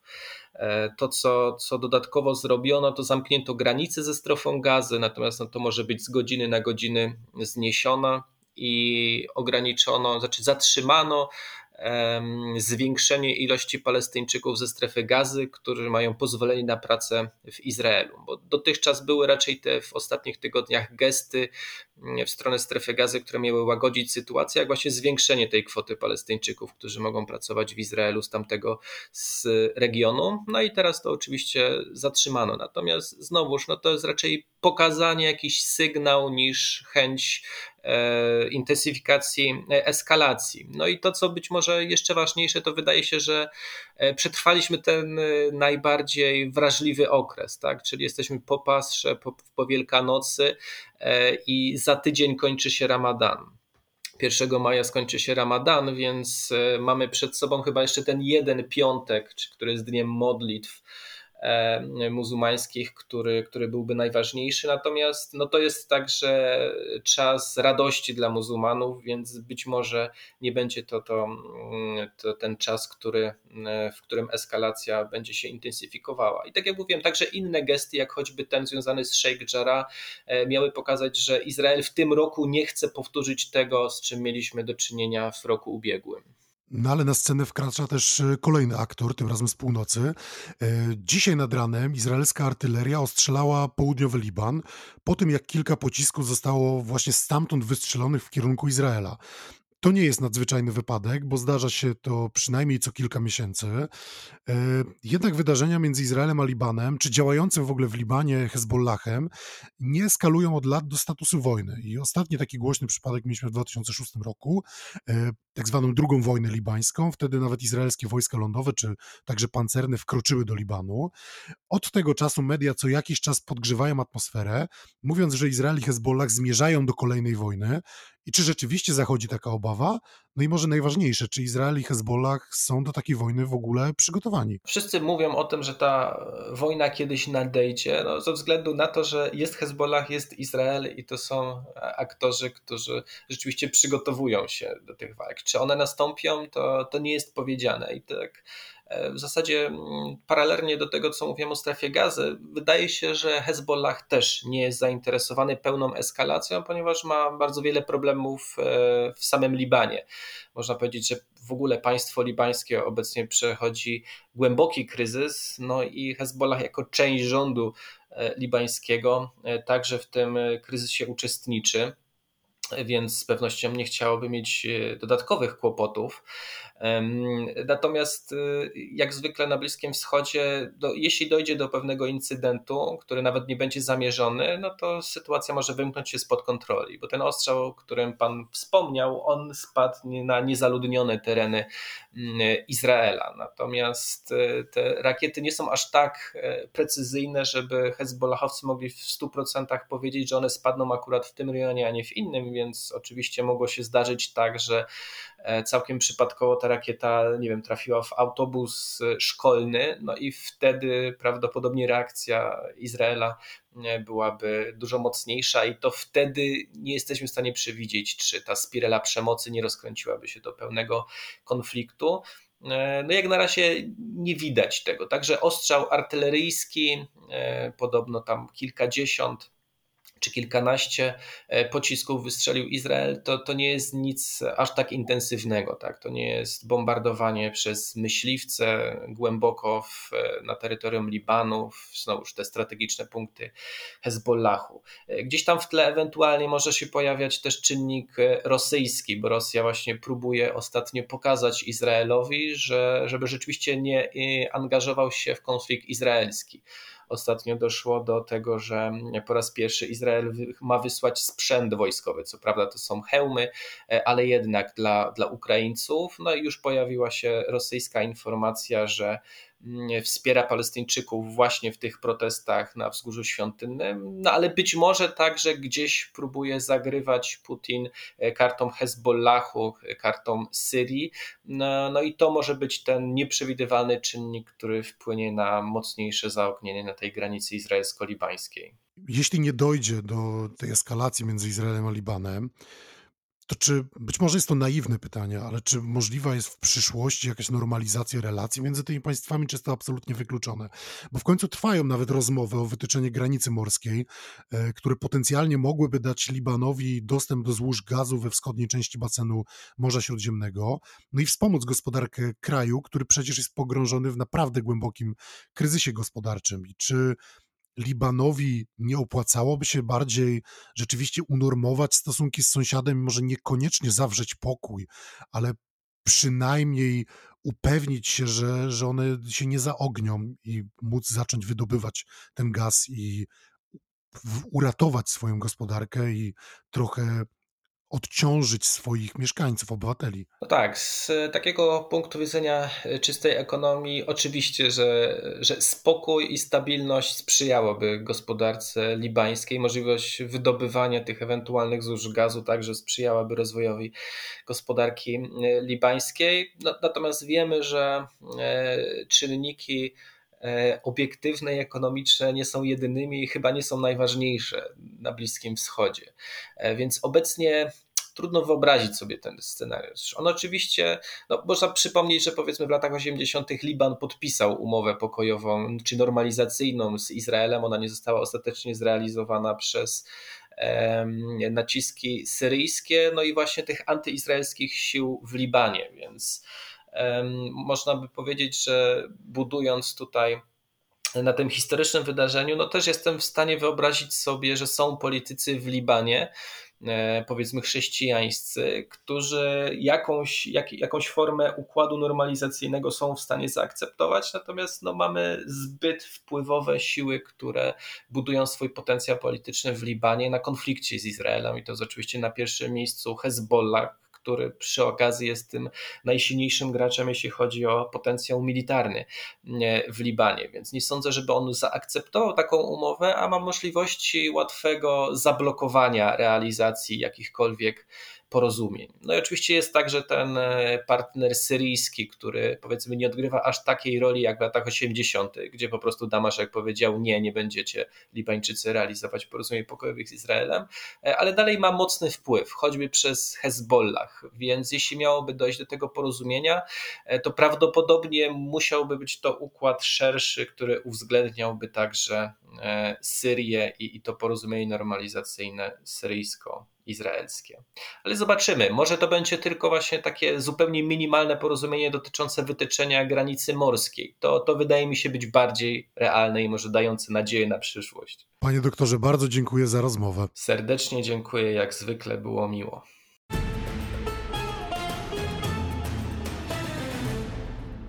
Rozmawiał ze mną dr Artur Skorek. A rozmowy, takie jak dwie, które przed chwilą usłyszeliście, i trzecia, którą za chwilę usłyszycie, nie mogłyby się odbywać, gdyby nie wsparcie naszych wspaniałych patronek i patronów z patronite.pl, bo to dzięki Wam finansowany jest cały projekt Stosunkowo Bliski Wschód od strony internetowej po podcast właśnie, to dzięki Wam przyglądamy się temu, co dzieje się na Bliskim Wschodzie i możemy Wam wspólnie z naszymi rozmówcami, ekspertkami, ekspertami, naukowcami, dziennikarzami przyopowiadać o wydarzeniach bieżących i analizować to, co się dzieje. Dziękujemy Wam za to serdecznie. A jeżeli jeszcze nas nie wspieracie, ale zastanawiacie się nad tym, zachęcamy, wejdźcie na patronite.pl. Tam możecie przyjrzeć się temu, jak nas wesprzeć za wszystkie wpłaty bardzo dziękujemy. I teraz, nie przedłużając już, już zapraszamy Was do wysłuchania rozmowy z Dawidem Mikosiem z kanału YouTube Masa Perłowa. Cześć Dawid, miło znowu gościć Cię w naszym podcaście. Cześć, to już rok minął od naszej rozmowy, pierwszej, wcześniejszej. Niesamowite, nie? Czas leci. Tak, tak, tak, tak. Niesamowite. A dzisiaj spotykamy się znowu, żeby porozmawiać o podróży, tylko tym razem o Twojej niedawnej podróży do Afganistanu. Tak. Zacznijmy może od tego, kiedy w ogóle przyszło Ci do głowy, żeby do Afganistanu pojechać i dlaczego? E, no ten pomysł nie był nowy, to nie, było, to nie był spontaniczny wyjazd. Jak wiecie, interesują mnie określone miejsca na świecie, więc jakby naturalne było to, że do tego Afganistanu pojadę prędzej czy później. Z tym, że mm, jak wszyscy wiemy, yy, trzeba sobie odpowiedzieć na pytanie, kiedy do tego Afganistanu można pojechać.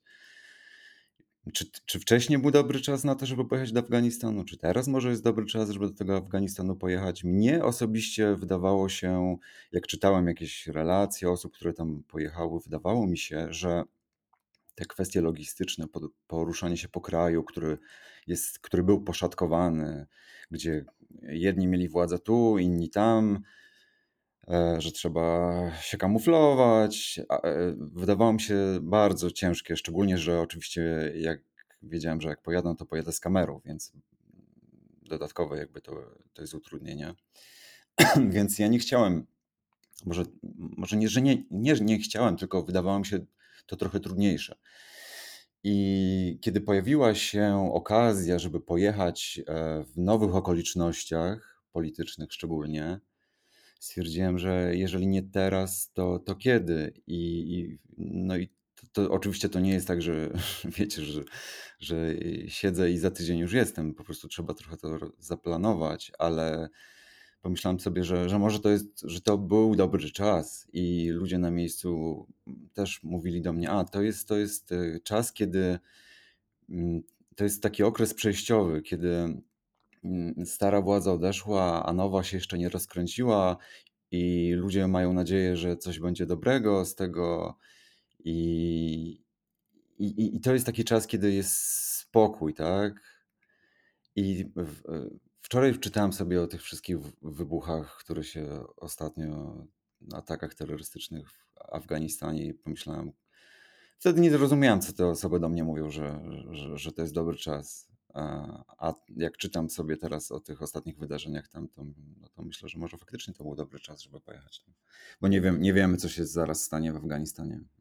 To znaczy, nigdy nie, wie, nie wiedzieliśmy, co się stanie w Afganistanie, a, a, no właśnie niestety to jest taki kraj, gdzie ciężko wyczuć ten dobry moment, ale może akurat to był dla mnie jakiś taki dobry czas, kiedy, kiedy udało mi się tam pojechać. No właśnie, a powiedz nam, e, tak żeby to zebrać w jakieś ramy czasowe, jak dużo jako podróżnikowi czasu zajmuje ci przygotowanie, tak od momentu powstania pomysłu do momentu, kiedy rzeczywiście wsiadasz do samolotu?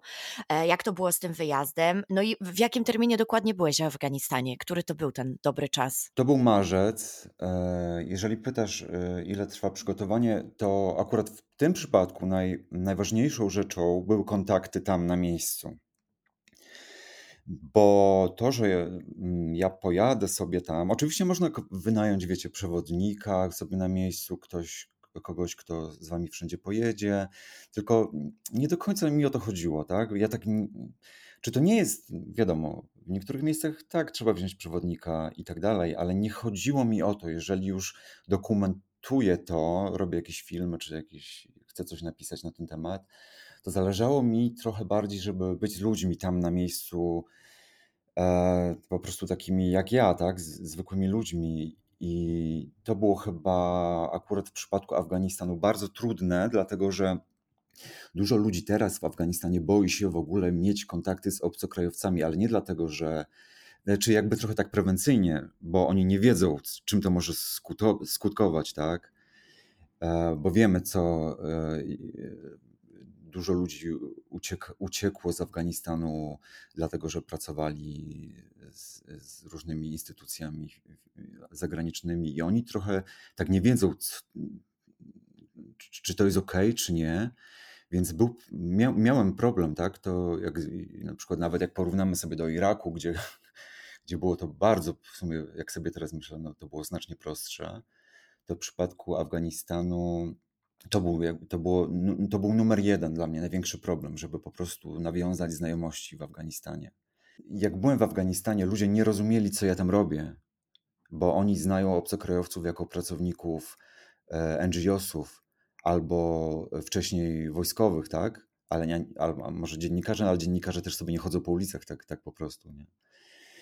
I dla nich to było niezrozumiałe, co ja robię w Afganistanie, kiedy oni wszyscy chcą wyjechać z tego Afganistanu. I dla nich to, nie było, to było niepojęte, tak jak na Bliskim Wschodzie czy w krajach Azji, Azji mm, Centralnej ludzie generalnie są gościnni, to tego, Afgańczycy są bardzo gościnni, tylko zanim okazali tę gościnność, to e, po prostu był taki moment, kiedy ja musiałem e, się uwiarygodnić w sensie takim, że nie mam złych intencji, że ja tu jestem legalnie, że ja mam, e, że ja chcę poznać ludzi, że chcę zobaczyć ten kraj. I zanim jakby każdy to zrozumiał, e, to trochę to zajęło, tak? Więc to był dla mnie największy problem. Więc kilka miesięcy tak naprawdę zajęło to, to wszystko od e, pomysł, jakby pomysł się zrodził wcześniej, jak chciałem jechać, nawet jak rozmawialiśmy w zeszłym roku i pytaliście się mnie, e, gdzie planujesz pojechać.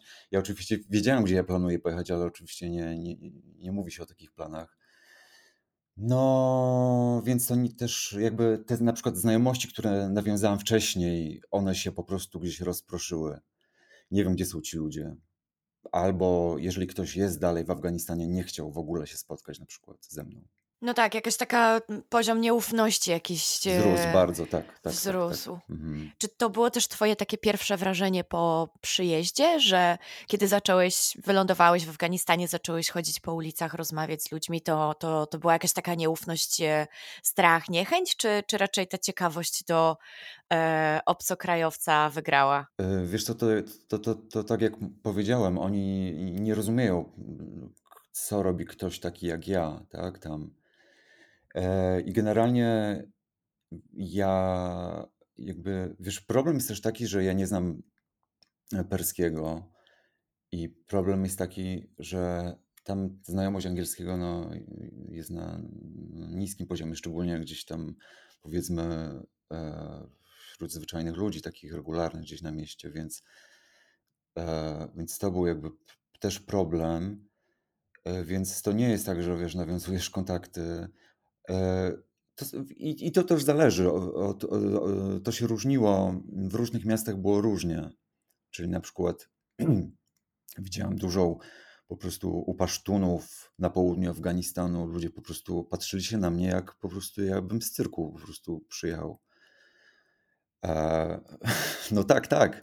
Więc to nie było, że ja, że ja ich oglądam jako atrakcję, bo ja byłem po prostu chyba większą ciebie. atrakcją dla nich niż oni dla mnie.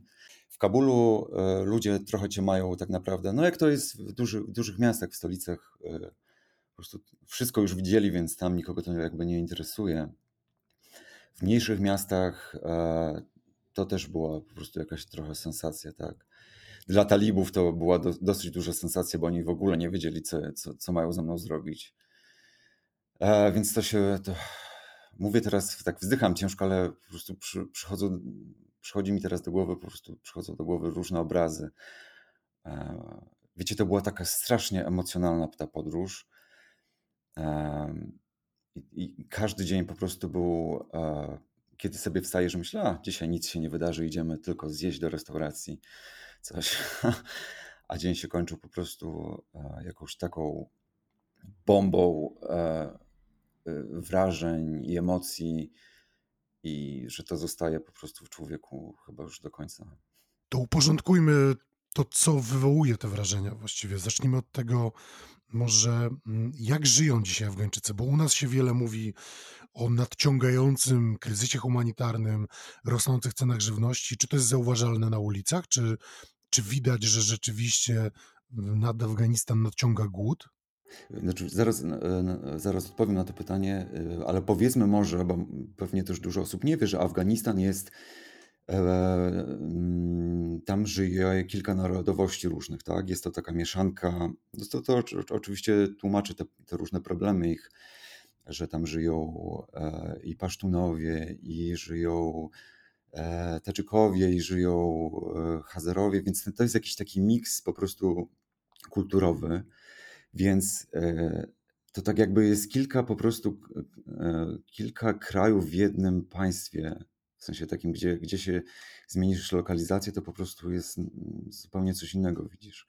Jeżeli pytasz o, o, o, ten, o ten głód, on nie jest widoczny. To nie jest tak, że wiesz, ludzie głodują, jest coś takiego, nie wiem, bo to, to jest sprzedawane trochę tak w mediach, tak? Jest taki obraz, że tak, 80% Afgańczyków e, głoduje. I wiecie, problem jest taki, że po prostu gospodarka w Afganistanie siadła totalnie. W sensie takim, że ludzie wolą wydać pieniądze na jedzenie niż sobie zrobić remont w domu, niż e, żeby, nie wiem, pojechać za granicę albo nie wiem co jeszcze, kupić sobie ciuchy, tak?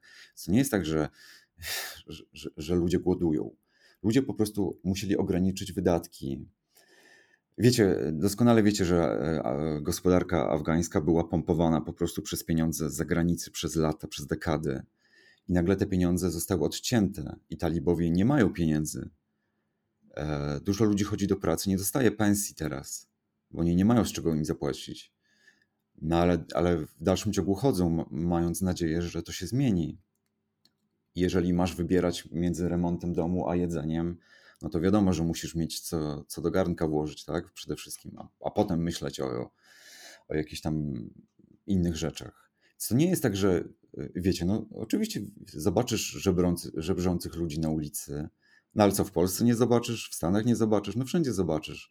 Więc to nie jest tak, że, że widzisz to, że to się rzuca jakoś w oczy. No bo to nie jest tak, że nie ma jedzenia. Nie jest jedzenie. Sklep, sklepy są pełne, restauracje są y, otwarte, tylko po prostu nie ma, nie ma komu tam chodzić teraz, tak? Jest y, dziwny czas. Y, więc ludzie, to, to, to, nie widzisz tego, nie, nie odczuwasz tego.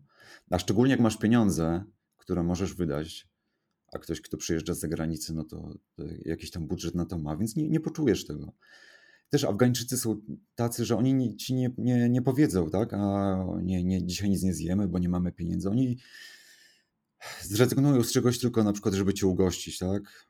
Mm, co, co też trzeba jakoś rozegrać, żeby dać, żeby mm, oni nie poczuli, że ty jesteś. E, ty, dla nich po prostu gościnność jest e, najważniejszą, jakby taką. To jest coś, co oni mają, e, to jest jakoś uwarunkowane kulturowo u nich, więc oni nie dadzą ci poczuć, no po prostu jesteś gościem, więc oni zrobią wszystko dla ciebie, żebyś się czuł ugoszczony i to już tak mówię totalnie w najlepszych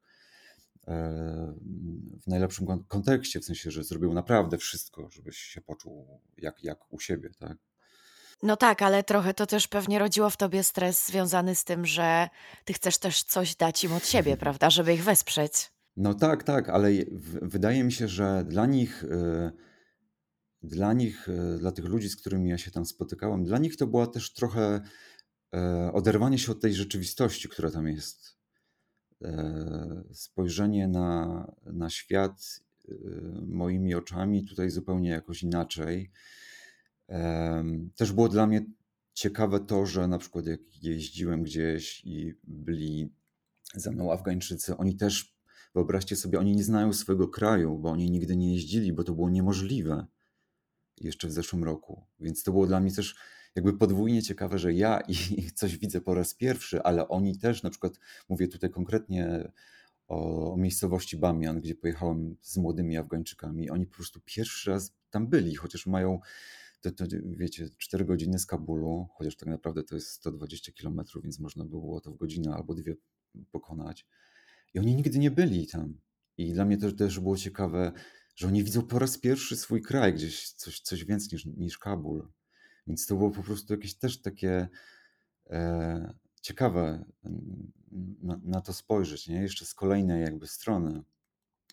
Więc e, ja się bardzo cieszę, że udało mi się, że Afgańczycy mnie zaprosili do domu, do domów, e, że chcieli ze mną być. E, I dla nich to było, myślę, że bardzo też ciekawe. I każdy dzień po prostu, jak byłem z ludźmi tam, myślę, że dla mnie to było coś ciekawego, ale też dla nich coś, coś nowego, tak, że e, coś innego robimy. Ja, teraz mi przyszło do głowy, w Kabulu, e, ja jestem anglistą e, z wykształcenia, chociaż nie, nie, nie, nie praktykujący, że tak powiem, w sensie nie, nie użę e, języka angielskiego, ale zapytali mnie tam, czy pójdę do szkoły i, i czy nie poprowadzę zajęć. I zrobiłeś to? I zrobiłem to dla młodzieży, z młodzieżą. I miałem e, chyba cztery, cztery takie, nie, nie, nie, chcę powiedzieć, że wykłady, ale zajęcia z, z młodzieżą. E, I to, wiecie, to, to też było dla mnie e, coś, coś ciekawego, e, bo i, i trochę smutnego, bo wiecie, tam, tam, ta młodzież po prostu za każdym razem mi opowiadała o tym, że oni chcą wyjechać z tego Afganistanu, że to jest straszne miejsce, że oni nie chcą tam mieszkać, że oni nie chcą tam żyć. I za każdym razem po prostu młodzież o tym opowiadała i to było straszne. A opowiedz y, trochę, jak wygląda życie afgańskiej ulicy, takie, takie codzienne, bo jeżeli już pojawiasz się w tak wielkim mieście jak Kabul, a Kabul jest, jest przecież ogromny, chociaż nam się często wydaje, jak tak czytamy o Kabulu w różnego rodzaju książkach, reportażach, no to, to jednak okazuje się, że to jest potężna metropolia. Jak wygląda codzienne życie Kabulczyków? Wiesz co, myślę, że jakbyś tam pojechał i tak się przyszedł, znaczy to też zależy, bo są różne dzielnice, tak? Różne akurat w Kabulu różnie wyglądają, są nowoczes, nowoczesne dzielnice, tak? Gdzie byśmy nie pomyśleli, że, że to jest jakbyś zobaczył jakieś zdjęcie gdzieś nowoczesnego, to byś, o, tak, Kabul wygląda, no tak wygląda. Więc są bardzo różne miejsca w Kabulu. Więc to zależy, gdzie, gdzie, gdzie, gdzie, gdzie pojedziemy w Kabulu. Moi tam e, znajomi to, to, są, e, to są głównie Hazarowie, czyli, czyli e, szyici. Czy, czyli szyici i oni głównie mieszkają na zachodzie Kabulu, w taka dzielnica Barczy, jeżeli się nie mylę, to się nazywa. A, więc tam jest, tam jest dosyć tak liberalnie powiedzmy, w takim sensie, że kobiety, wiecie, ja byłem też trochę zdziwione, bo jakby problem jest taki, że na przykład no, nie chcesz świecić kobiecie kamerą przed oczami, robić zdjęć, tak? No bo wiadomo, że to jest nie, że to jest fopa e, w takich krajach. No ale tam na przykład dziewczyny podawały ci rękę, nie miały, nie chodziły w. E, e miały po prostu jakąś chustę tylko na głowie, ale nie, nie, nie były. Jakby podejście tych dziewczyn tam akurat było po prostu bardzo liberalne. Ludzie też tam są, e, po prostu mają jakby mają podejście zupełnie inne niż na przykład Pasztunowie, gdzie, gdzie, gdzie to już jest bardzo konserwatywne. Więc e, w Kabulu jest, jest różnie, to zależy gdzie się pójdzie, tak? I, i, z, I z kim się rozmawia. Kabul jest bardzo zanieczyszczonym miastem, bardzo zakorkowanym. E, gdzie mieszka bardzo dużo ludzi, wszystko to się miesza, jest po prostu kocioł, jest... E, dużo ludzi e, mówi, że, że, że którzy na przykład jadą do Afganistanu, mówią, że ominęliby z chęcią Kabul i się w ogóle nie patrzyli na ten Kabul, nie chcieli tam być. No ale wiecie, no pojechać do Afganistanu i nie pojechać do Kabulu, no to by była wielka strata dla mnie. Więc ciężko mi odpowiedzieć na to pytanie, bo Kabul jest bardzo zróżnicowany.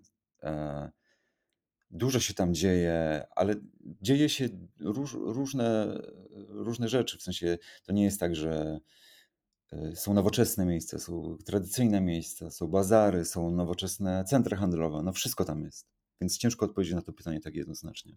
A powiedz, bo wyobrażamy sobie też, że pewnie jechałeś do Afganistanu z jakimś wyobrażeniem czy z jakimiś oczekiwaniami dotyczącymi tej nowej, kształtującej się władzy, tak? I o talibach się w pewnym momencie nawet i w Polsce mówiło bardzo dużo. I bardzo negatywnie oczywiście ten obraz talibów, e, e, ich władzy jest bardzo negatywny.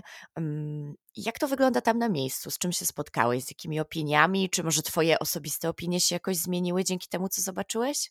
E, moje opinie się kształtują na podstawie tego, co mi, mu, co mi powiedzieli Afgańczycy, bo wiecie, no, to co usłyszymy w telewizji i zobaczymy, no to jakby zupełnie to jest e, nie, nie, nieadekwatne do tego, co tam jest na miejscu. Więc jakby, e, wiecie, no faktycznie jak jedziesz do Afganistanu teraz, no to jakby pierwsza rzecz, która, o, o, która ci się rodzi w głowie, to jest po prostu, no, no, i, no i co, ja zobaczę tych talibów i co, i co, i co oni mi zrobią?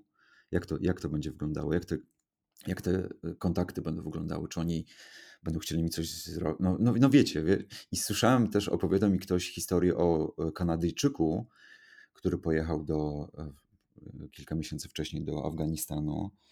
No i, i słyszałem o tym, że E, oni uwięzili tego biednego chłopaka, trzymali w więzieniu, bo nie wiedzieli, co z nim zrobić. Nie wiedzieli, czy on jest z deszcz, czy on jest.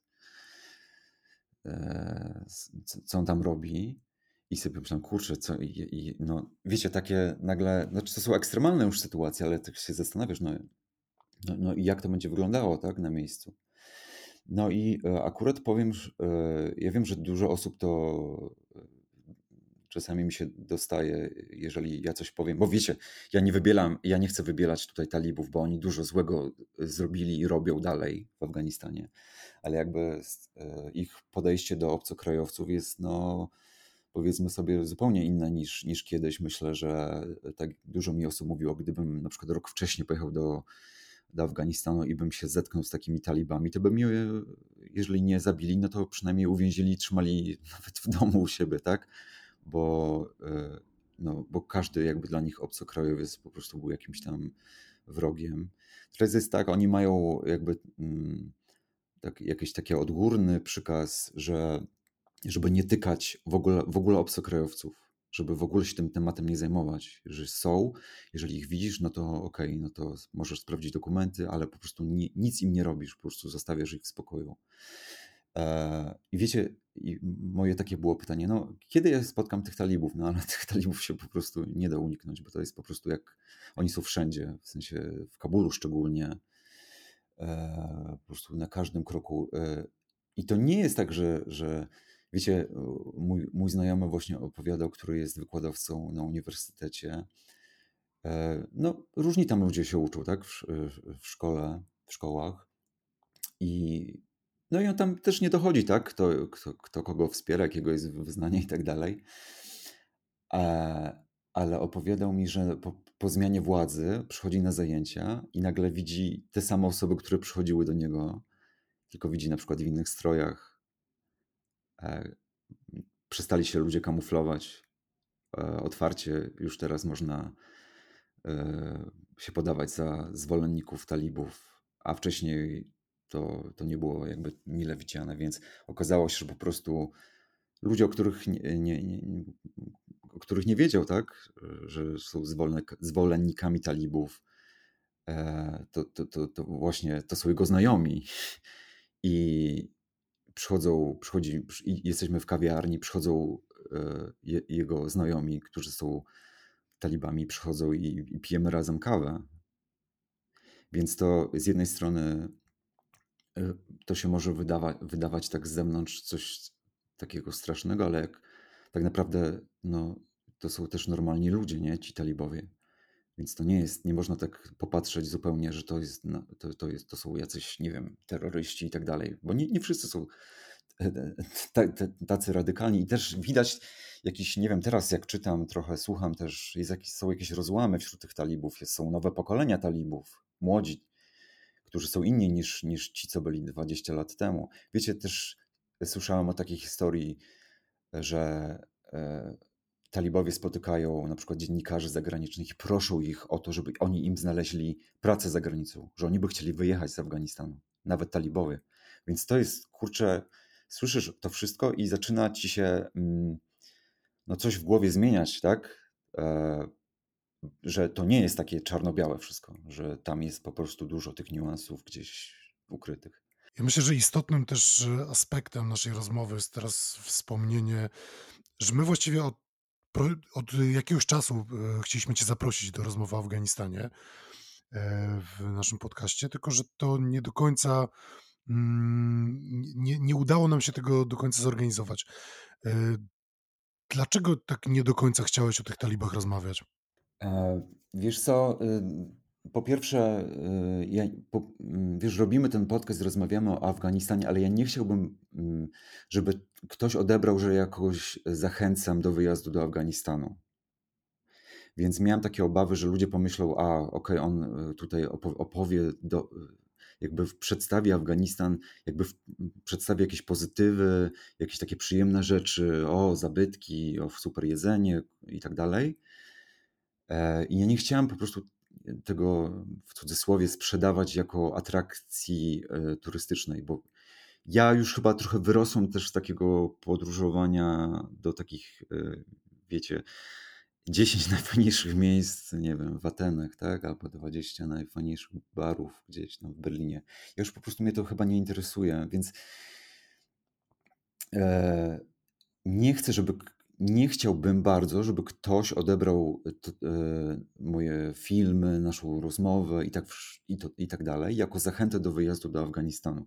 Dla mnie to jest dokumentacja czegoś, co chciałem zrobić E, I, I to tyle. Absolutnie nie zachęcam nikogo do, to, do wyjazdu. To nie jest, e, to nie jest wycieczka na, na Majorkę. Tak? To, to, to nie, nie proszę nie traktować tego w tych kategoriach. I wiesz, y, bałem się, że ludzie. Y, I, I słusznie się bałem, bo jakby dostaję mm, jakieś komentarze, albo ktoś do mnie pisze, no co ty tam robisz, no co, co, co ty pokazujesz, dlaczego piszesz o talibach tak, a nie inaczej. Więc z jednej strony się trochę bałem tych reakcji ludzi, słusznie, ale z drugiej pomyślałem sobie potem, że a jeżeli ja, jeżeli nie ja, to kto ma zmienić, kto ma pokazać e, ludziom e, Afganistan taki jak jest? Mają ludzie mieć tylko w głowie obrazy, które widzieli w zeszłym roku, we wrześniu czy tam w sierpniu, tak? Bo ostatnio, ostatnio, jak słyszeliśmy o Afganistanie, to były obrazy, gdzie ludzie y, próbują uciec, czepiają się skrzydeł samolotu, tak? To jest taki jakby ostatni obraz Afganistanu. Ale to, to nie jest tylko tak przecież. Tam jest dużo, dużo więcej rzeczy do pokazania, dużo więcej historii do opowiedzenia. Więc e, tak, faktycznie miałem takie obawy. E, może musiałem się trochę też zdystansować do tego, trochę mm, jakby ochłonąć, bo jednak to było bardzo wyczerpujące, ale nie fizycznie, tylko emocjonalnie.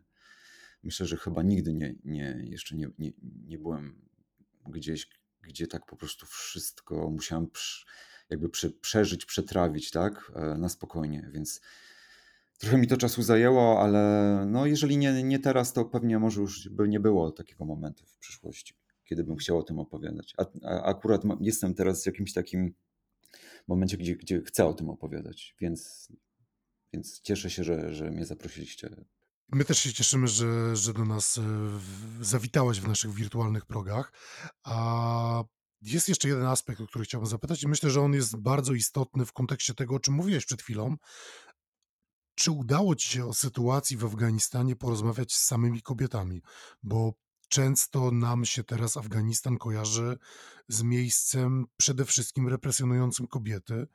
E, I czy właśnie kobiety same ci opowiedziały o ich sytuacji? Tak, ponieważ gościłem, e, byłem w Heracie i gościła mnie rodzina, e, powiedzmy, gdzie no taka powiedzmy bardziej, która ma bardziej liberalne podejście. I wiecie, i dla mnie to też jest taka ciekawa sprawa, bo to, co mi ta dziewczyna opowiadała, to trochę mi się też jakby zgrzyt pojawił z tym, co, o, o czym czytamy, tak? O tych represjach i tak dalej, bo ona jest dentystką e, i opowiadała mi, że ona teraz akurat nie, nie e, urodziła dziecko, więc nie chodziła do pracy, ale jeżeli by chciała wrócić do pracy, nie ma problemu, tak? E, widziałam kobiety, które pracują na lotnisku na przykład. Nie widziałam kobiet, ale to też w innych krajach też tak jest, że nie, nie, nie, nie sprzedają, nie są sprzedawczyniami, nie, nie, jakby w miejscach publicznych nie ma kobiet, tak? Ale te kobiety gdzieś tam pracują. I gdzieś te kobiety widzę, że chodzą do szkoły, się uczą. E, kobiety uczą się e, na uniwersytetach online. E, są w tej szkole, o której wspomniałem,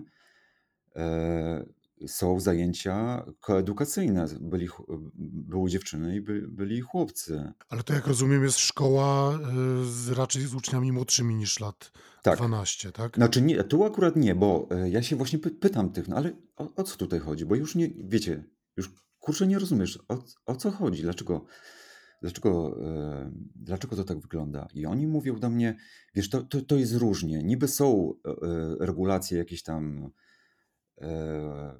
Mm, ustanowione jakieś przez talibów, ale oni mówią, że wprowadzili, wprowadzili te regulacje i przychodzą do, do tej szkoły i mówią do nich, nie, no tak zajęcia nie mogą wyglądać. A oni mówią, ale jeżeli tak nie, mają wygląd- nie mogą wyglądać, no to my zamykamy szkołę, nie będziemy prowadzić, bo my nie mamy nauczycieli, my nie jesteśmy w stanie tego zorganizować i tak dalej, i tak dalej. I, tak dalej. I oni mówią, że Przychodzili ci talibowie, raz, dwa, e, raz przychodzili, drugi raz przychodzili. No i przestali przychodzić. E, I wiecie, dla mnie to też nie jest wszystko zrozumiałe, co, na jakich zasadach to się wszystko tam dzieje. Bo niby są faktycznie, e, dziewczyny nie mogą chodzić do szkoły tam powyżej e, chyba, już nie wiem, Szóstej klasy. Tak, chyba, chociaż też... Powyżej szóstej klasy. Powyżej, czyli takie gimnazjum jakby dawne u nas, nie? Chyba. Mhm, tak? Około, około 12 roku życia. I dla mnie to jest właśnie też taki zgrzyt. Później spotykam e, właśnie e, taką studentkę, i ona mi, ona mi mówi, że ona się uczy na uniwersytecie ciągle dalej. I jest tak, już wiecie co, ja już po prostu nic z tego nie, w pewnym momencie stwierdziłem, że już nic z tego nie rozumiem. Prywatne szkoły, dużo jest prywatnych szkół i one działają tak jak chcą, na przykład.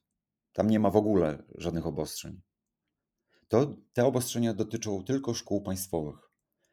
Dużo Afgańczyków, jeżeli mają pieniądze, ci bogatsi w miastach, oni nie chodzą do tych szkół w ogóle y, publicznych.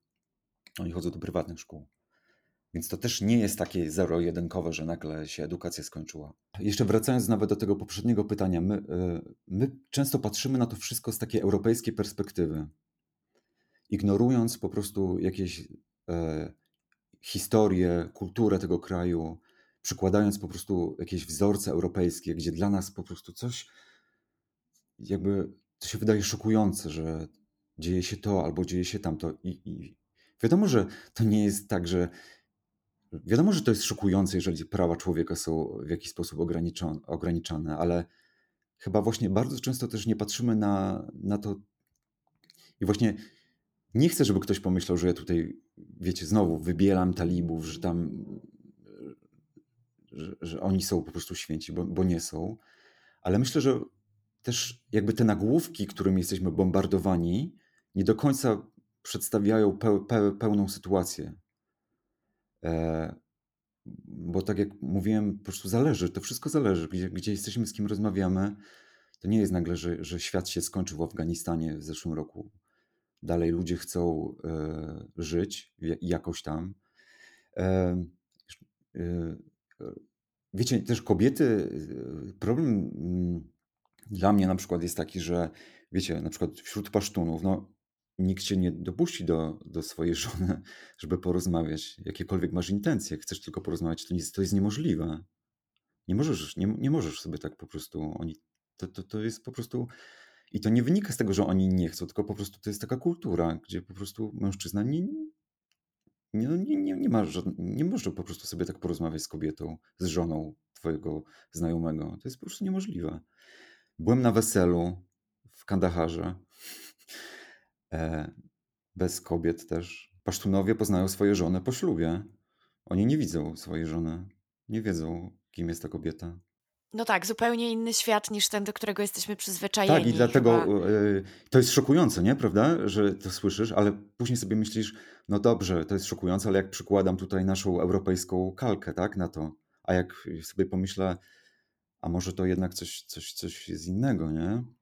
że po prostu to jest taka kultura, że to nie, to nie wynika, to się nie pojawiło rok temu wraz z talibami, tylko po prostu, e, po prostu tam tak jest, tam było tak. Więc zaczyna, zaczyna człowiek myśleć trochę inaczej wtedy o tym wszystkim. Tak, nabiera się innej perspektywy. No cóż, nie od dziś się mówi, że podróże kształcą.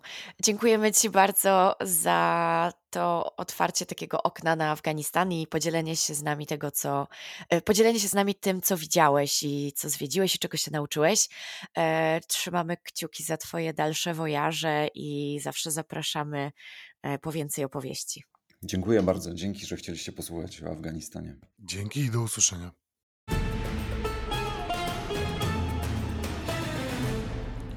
Rozmawiał z nami Dawid Mikoś z kanału YouTube Masa Perłowa i to wszystko, co przygotowaliśmy w tym odcinku. Mamy nadzieję, że się Wam podobało. Pamiętajcie, możecie do nas pisać na kontakt małpa stosunkowo bliski wschód.pl. Możecie do nas też pisać przez nasze media społecznościowe Facebook, Instagram. Zachęcamy Was, żebyście nas obserwowali. E, publikujemy tam rozmaite treści i mamy nadzieję, że dołączycie do nas w następnym odcinku podcastu już w czwartek, kiedy usłyszycie nasz kolejny odcinek z cyklu Stosunkowo Bliski Wschód kulturalnie, w którym podzielimy się z Wami dziełami kultury, które chwyciły nas ostatnio za serce. Do usłyszenia w czwartek.